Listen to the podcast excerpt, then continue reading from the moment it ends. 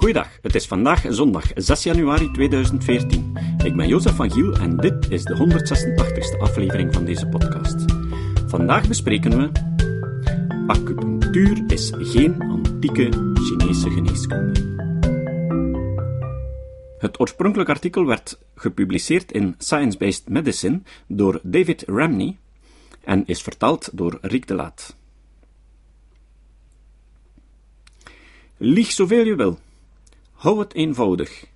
Blijf het volhouden en uiteindelijk zullen ze het geloven. Citaat van Adolf Hitler.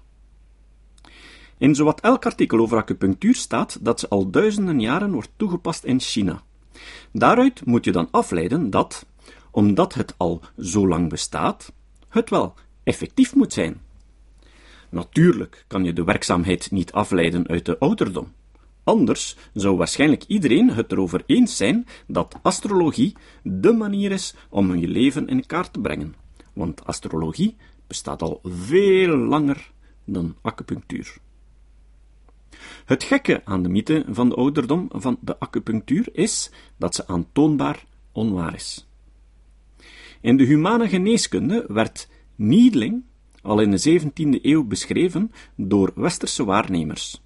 Geen punten, geen meridianen. Gewoon een grote, priemachtige naald, ingedreven met een ronde hamer met ivoren handvat. Het inhameren van deze kleine spijkertjes op verschillende plekken, naar keuze van de arts, werd precies hetzelfde gevonden als de Griekse humorale geneeskunde. Zie Karuba, Harry Bowers, GZ, The Western World First Detailed Treatise to Acupuncture. Dezelfde misleidende bewering kom je ook keer op keer tegen in de diergeneeskunde. Acupunctuurliefhebbers zeggen bijvoorbeeld dat acupunctuur 4000 jaar oud is. Niet alleen is dit onwaar, het is ook nog eens belachelijk, omdat de Chinezen 4000 jaar geleden het schrift nog niet hadden uitgevonden. Zelfs als de bewering waar zou zijn, hadden we het niet kunnen weten, omdat niemand het toen kon opschrijven. Recentelijk publiceerden we het eerste gedetailleerde research paper over de geschiedenis van de diergeneeskunde in China. Het document werd gepubliceerd in juli in het historisch tijdschrift Sundorf Archive. De referenties vind je in de notitiepagina. Het is een van de eerste gepubliceerde artikelen gebaseerd op feitelijk historisch bronmateriaal en het enige dat de diergeneeskunde van het oude China vergelijkt met de toenmalige praktijken in de antieke wereld. Uit het historische bronmateriaal is af te leiden dat de Chinese veterinaire geneeskunst niet uniek is. Het is niet eens typisch Chinees. Wat aan het gretige publiek gepresenteerd wordt als de essentie van het Chinese denken en handelen, is in feite slechts een aanpassing van praktijken uit Griekenland en het Midden-Oosten uit dezelfde periode. In feite worden de meeste Chinese praktijken, zoals bloedlaten en moxa-branden, al vermeld in Griekse, Egyptische en Arabische bronnen, lang voordat er in China sprake van was. Dergelijke praktijken duiken in China pas op tijdens een periode van maximaal westerse invloed op China. In die periode was er regelmatig verkeer op de zijderoute, tijdens de hangperiode circa 200 voor Christus tot 200 na Christus. Ook de komst van het boeddhisme bracht invloeden uit de Indische tradities mee.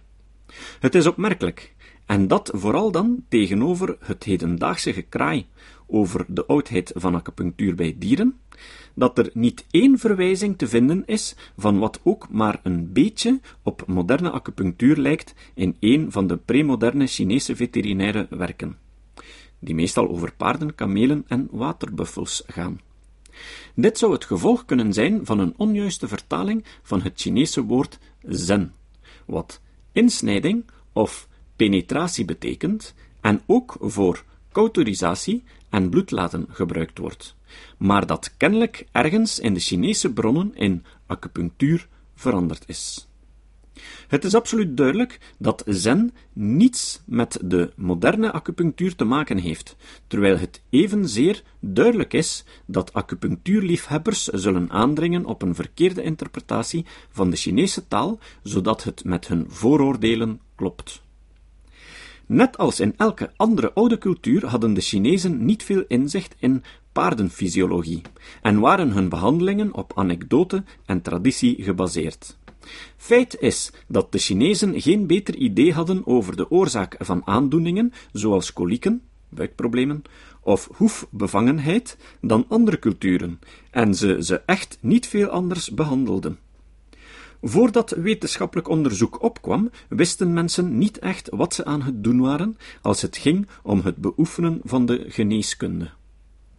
Er is geen enkele reden om terug te keren naar dergelijke tradities, en zeker niet om dat te doen als ze niet eens bestonden.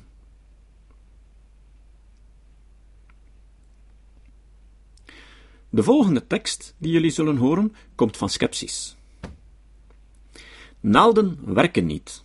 Meta-analyse van acupunctuur. Onderzoek naar de werkzaamheid van acupunctuur heeft vrijwel niets opgeleverd. Alleen Pijn en misselijkheid schijnen in bepaalde gevallen iets af te nemen.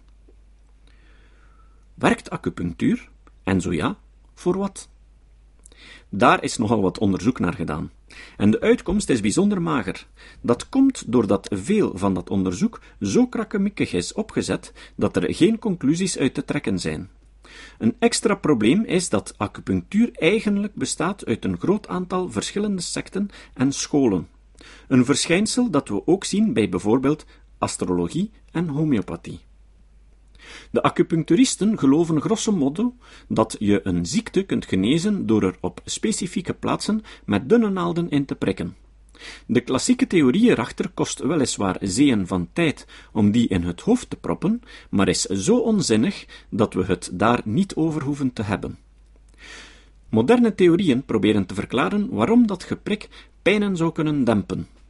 Het zij door het lichaam aan te zetten tot productie van endorfinen, door het lichaam geproduceerde morfineachtige stoffen, het zij door de pijnzenuwen in hun gebruikelijke werking te belemmeren.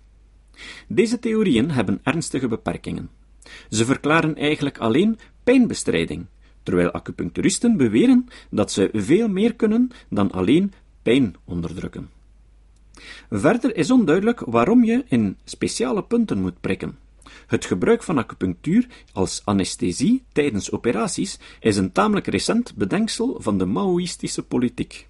De Chinezen hebben inmiddels toegegeven dat het grootscheeps bedrog was. In China is het alweer uit de mode geraakt.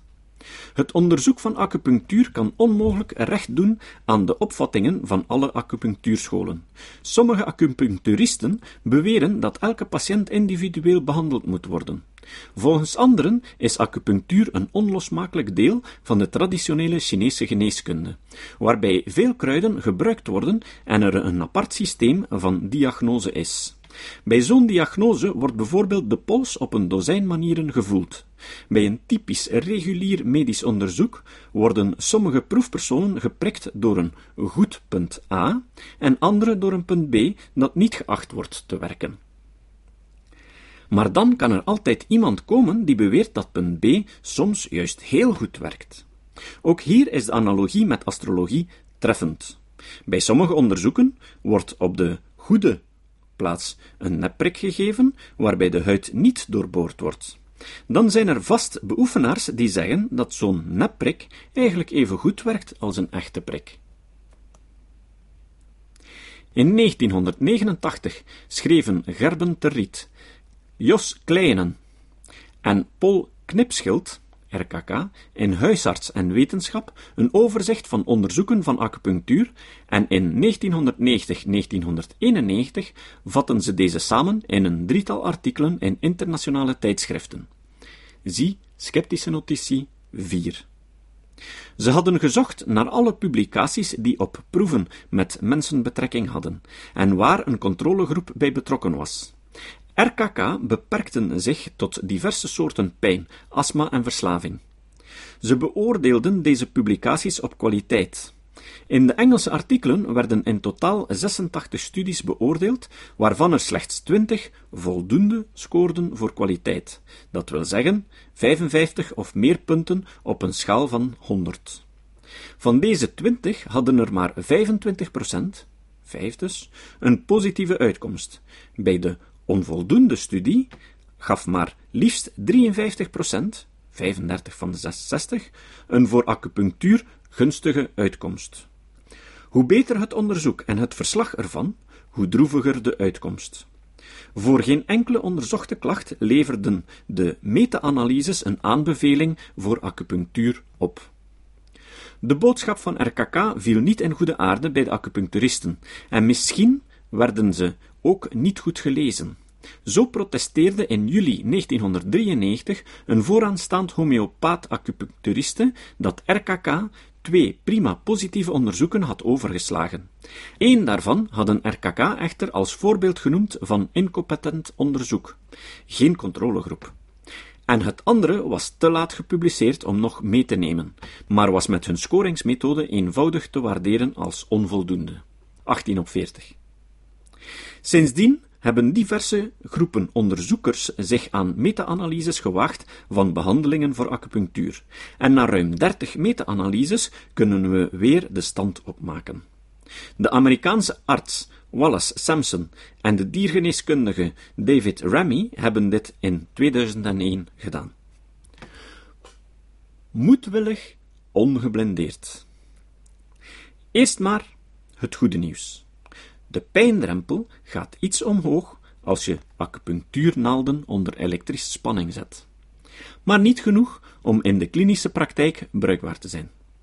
Dat is de uitkomst van een dozijn onderzoekingen. Helaas is onbekend in welke mate er bij die onderzoeken een geloofwaardige vorm van nepacupunctuur werd toegepast bij de controlegroepen. Dit is enigszins in de lijn van het resultaat van het proefschrift, waarop de Nederlandse arts Hing Guan Ko promoveerde in Nijmegen in 1991. Hij vond dat acupunctuur voor een operatie de benodigde hoeveelheid morfine tijdens de operatie verminderde. Maar aangezien hij zelf zowel de acupunctuur als de morfine toediende en zo moedwillig ongeblendeerd werkte, is het werk van Co nietszeggend. Ook lijkt het erop dat acupunctuur iets doet tegen misselijkheid en braken ten gevolge van chemotherapie, operaties of zwangerschap. De resultaten zijn gemengd. Bij kinderen werkt het niet. En alleen binnen zes uur na een operatie kunnen diverse acupunctuurvarianten het braken verminderen, maar niet beter dan algemeen gebruikelijke antibraakmiddelen. Dat is althans de conclusie van een overzicht van 19 onderzoeken. Misschien heeft de tandarts wat aan acupunctuur om de pijn gedurende, maar vooral ook na ingrepen te verminderen. Ook hier zijn de resultaten gemengd. De ene samenvatting, van 48 onderzoeken, durfde niet te zeggen dat het hielp, en de andere was wat gunstiger gestemd, omdat een meerderheid onder 16 onderzoeken toch wel een effect te zien gaven. Tandartsen krijgen ook patiënten met pijn in het kaakgewricht. De oorzaak van zulke klachten is veelal onduidelijk, tenminste als het niet om versleten gewrichten gaat. Diverse onderzoeken hebben de suggestie opgeleverd dat acupunctuur hier helpt. Omdat kaakgewrichtklachten vaak een psychische component lijken te hebben, is het belangrijk dat je bij onderzoek naar behandelingen goed rekening houdt met eventuele placebo-effecten. Dat ontbreekt voorlopig nog bij het onderzoek naar de bruikbaarheid van acupunctuur bij deze kwaal. Tot zover het nogal magere goede nieuws. Bij tal van andere aandoeningen reproduceerden meta-analyses de uitkomst van RKK. De onderzoeken spreken elkaar tegen, en hoe beter het onderzoek, des te negatiever de uitkomst. In sommige gevallen wordt gevonden dat acupunctuur weliswaar beter is dan helemaal niets doen, maar dat vergelijking met de een of andere vorm van nepacupunctuur geen verschil oplevert. Voortijdig stopgezet. Veel van de meta-analyses zijn verricht onder de groep van Ernst en White in Exeter, bekende onderzoekers van alternatieve geneeswijzen. Het gaat daarbij om de volgende aandoeningen: nek- en rugpijn, Vier verschillende meta-analyses in een periode van 1994 tot 2000 voor rugpijn konden geen enkel lichtpuntje ontdekken. En voor nekpijn was er zeggen en schrijven één positief onderzoek tegen vier negatieve. Artrose. In 1997 constateerde een overzicht van elf studies dat ze elkaar tegenspreken en wiemelden van de methodologische fouten. Tenniselleboog. Een Cochrane-overzicht uit 2001 meldt drie kleine en onderling niet goed vergelijkbare onderzoeken van acupunctuur met naalden. Een effect dat langer dan een dag aanhoudt, is in geen van de drie onderzoekjes aangetroffen. In dit verband moet nog een Nederlands onderzoek genoemd worden naar het effect van acupunctuur bij precies deze klacht, waarvoor 1.125.355 euro werd toegezegd in april 1995, te besteden binnen drie jaar. Datzelfde jaar werd ten behoeve van het onderzoek geadverteerd voor een kundig arts die het verschil moest kunnen zien tussen een tenniselleboog en een elleboog die uit de kom gewrongen is. Drie jaar later was er verder nog niets gebeurd, behalve ruzie met de hoofdonderzoekster. In 2000 werd bekend dat het project voortijdig stopgezet werd. Fibromyalgie. Afgaande op onderzoeksresultaten kan acupunctuur de klachten bijna net zo gemakkelijk erger maken als verzachten. De globale positieve indruk van alle onderzoeken samen kan worden teruggevoerd tot één enkel goed onderzoek, dat echter niet vermeldde hoe lang de verbetering aanhield. Zenuwpijn, neuralgie, na gordelroos. Een meta-analyse van twaalf verschillende onderzoeken van verschillende behandelingen, waaronder acupunctuur, constateerde dat ze geen van allen werkten. Hoofdpijn, hier lijkt wel gunstig effect, maar de 22 onderzoeken die met elkaar vergeleken werden, verschilden zo sterk qua opzet en gekozen uitkomst, dat ze niet behoorlijk met elkaar vergeleken kunnen worden. Niettemin vonden de onderzoekers, Melchert Lingde et al., in 1996 dat er wel een positief effect leek te zijn maar dat het niet overtuigend was. In 2001 herhaalden ze deze conclusie. Revalidatie na een beroerte. Ook hier weer veel fouten, en geen enkele studie houdt goed rekening met placebo-effecten. Deze conclusie van Ernst en White uit 1996 strookt met wat ze in 2001 schreven. De goede onderzoeken gaven geen effect te zien. Astma. De conclusie van RKK dat er onvoldoende reden is om acupunctuur voor astma in te zetten, blijft gehandhaafd na nog twee latere meta-analyses. Vetzucht.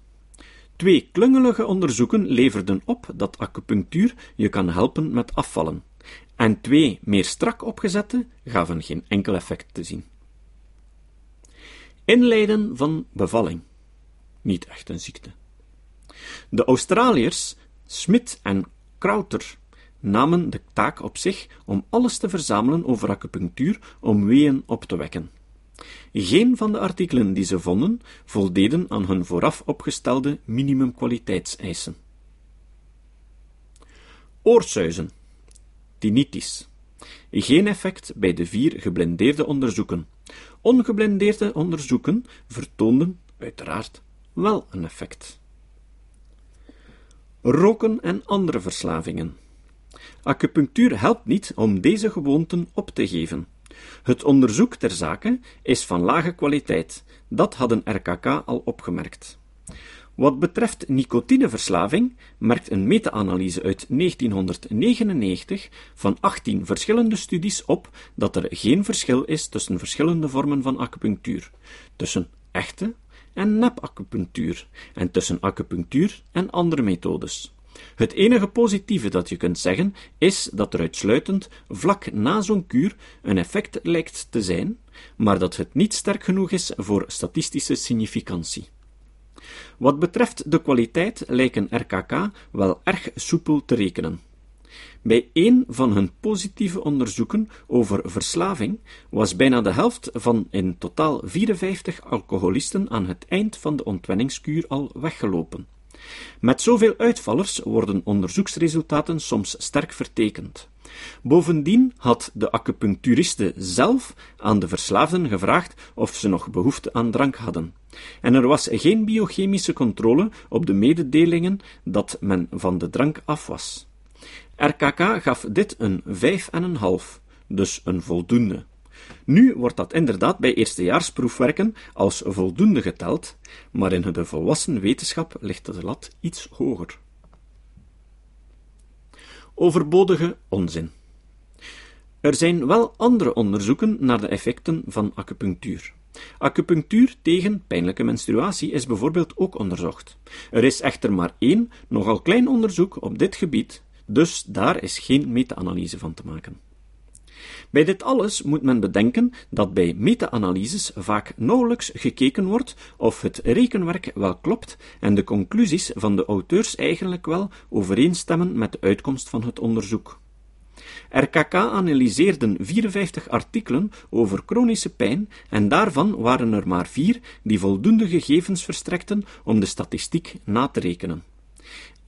Een meta-analyse uit 2000 over nek- en rugpijn klaagde dat de auteurs dingen beweerden die niet klopten met hun gegevens. Bij medisch onderzoek wordt vaak gekeken of de gevonden resultaten niet gewoon toeval zouden kunnen zijn. De norm is dan dat een toevalskans van 5% als te toevallig wordt beschouwd. Op zich is het oordeel, dat is te toevallig, dus daar zal wel iets achter zitten, een aardig begin, maar daarmee heb je nog niet in handen dat er iets is. Is het de een of andere vertekening door ondeugdelijk onderzoek? De blindering kan bijvoorbeeld te wensen overlaten. Of bij het rekenwerk kan er al te enthousiast naar de magische 5%-grens toegewerkt zijn. Ook staat dit los van de vraag of het effect belangrijk genoeg is voor de klinische praktijk. Speciaal bij onderzoek met grote aantallen patiënten kan zelfs een miniem effect, niet noodzakelijk van de onderzochte behandeling zelf, een significante uitkomst geven. In 1997 kwam onder auspiciën van de National Institute of Health in de VS een consensusrapport tot stand dat zich uitsprak voor toepassing van acupunctuur bij een groot aantal van de bovengenoemde aandoeningen.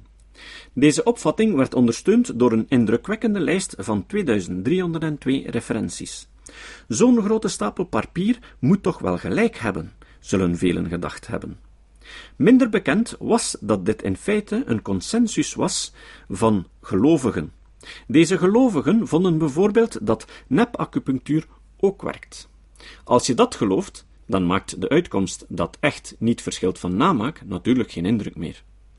De consequentie van dat geloof, namelijk dat een standaardcursus in de acupunctuur van 2500 lesuur dus grotendeels uit overbodige onzin bestaat, willen de acupuncturisten natuurlijk niet trekken. Iets dergelijks speelde zich af in het Verenigd Koninkrijk.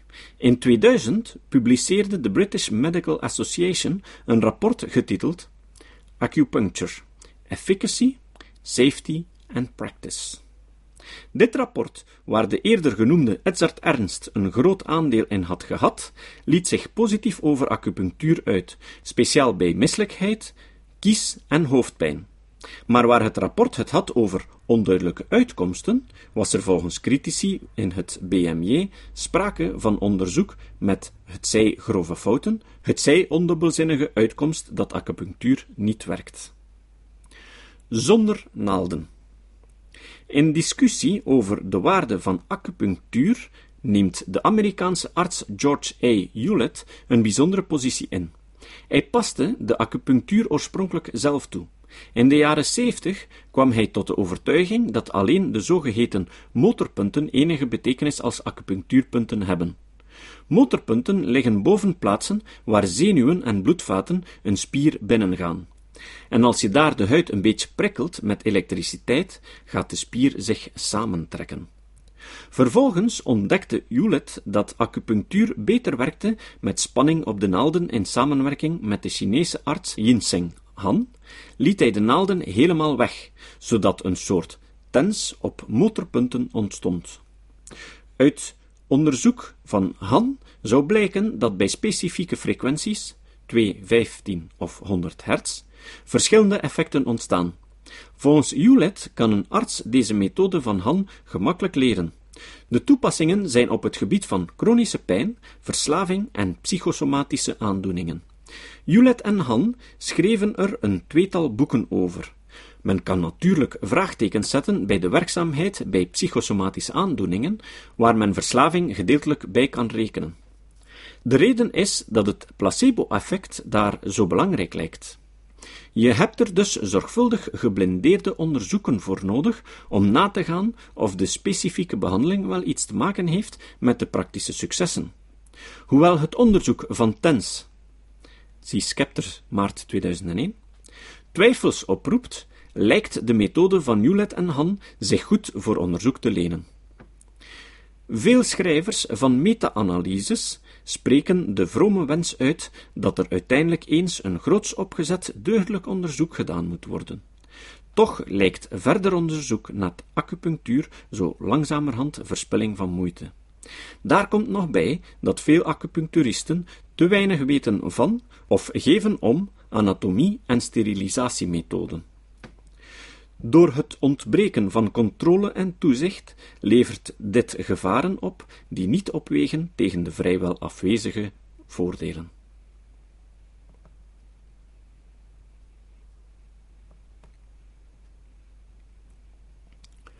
Het citaat. Het citaat van vandaag komt van Jacob Bronowski. Bronowski was een Britse presentator die onder andere bekend werd met de documentaire The Essence of Men. Bronowski zei: De meest opmerkelijke ontdekking die ooit door wetenschappers is gemaakt, is de wetenschap zelf. Tot de volgende keer. De productie van deze podcast is mogelijk dankzij de medewerking van Riek de Laat, Emiel Dingemans, Leon Kortweg, Stefan Sutens en de muziek van Nick Lucassen. En natuurlijk ook de steun van vele luisteraars. Op onze website onder menu steunen kan je vinden op welke manier je ons kan helpen de sceptische boodschap verder uit te dragen. Dit was de podcast Kritisch Denken. Vergeet niet om alles kritisch te behandelen, ook deze podcast. Voor verdere informatie over deze podcast, links en voor de tekst, surf naar www.kritischdenken.info. Als je deze podcast belangrijk vindt, kun je me steunen door anderen warm te maken ook eens te luisteren. Stuur een e-mail naar vrienden met een link naar de website en plaats de link in de handtekening van je e-mails. Tevens kun je op iTunes deze podcast een beoordeling geven of een recensie schrijven.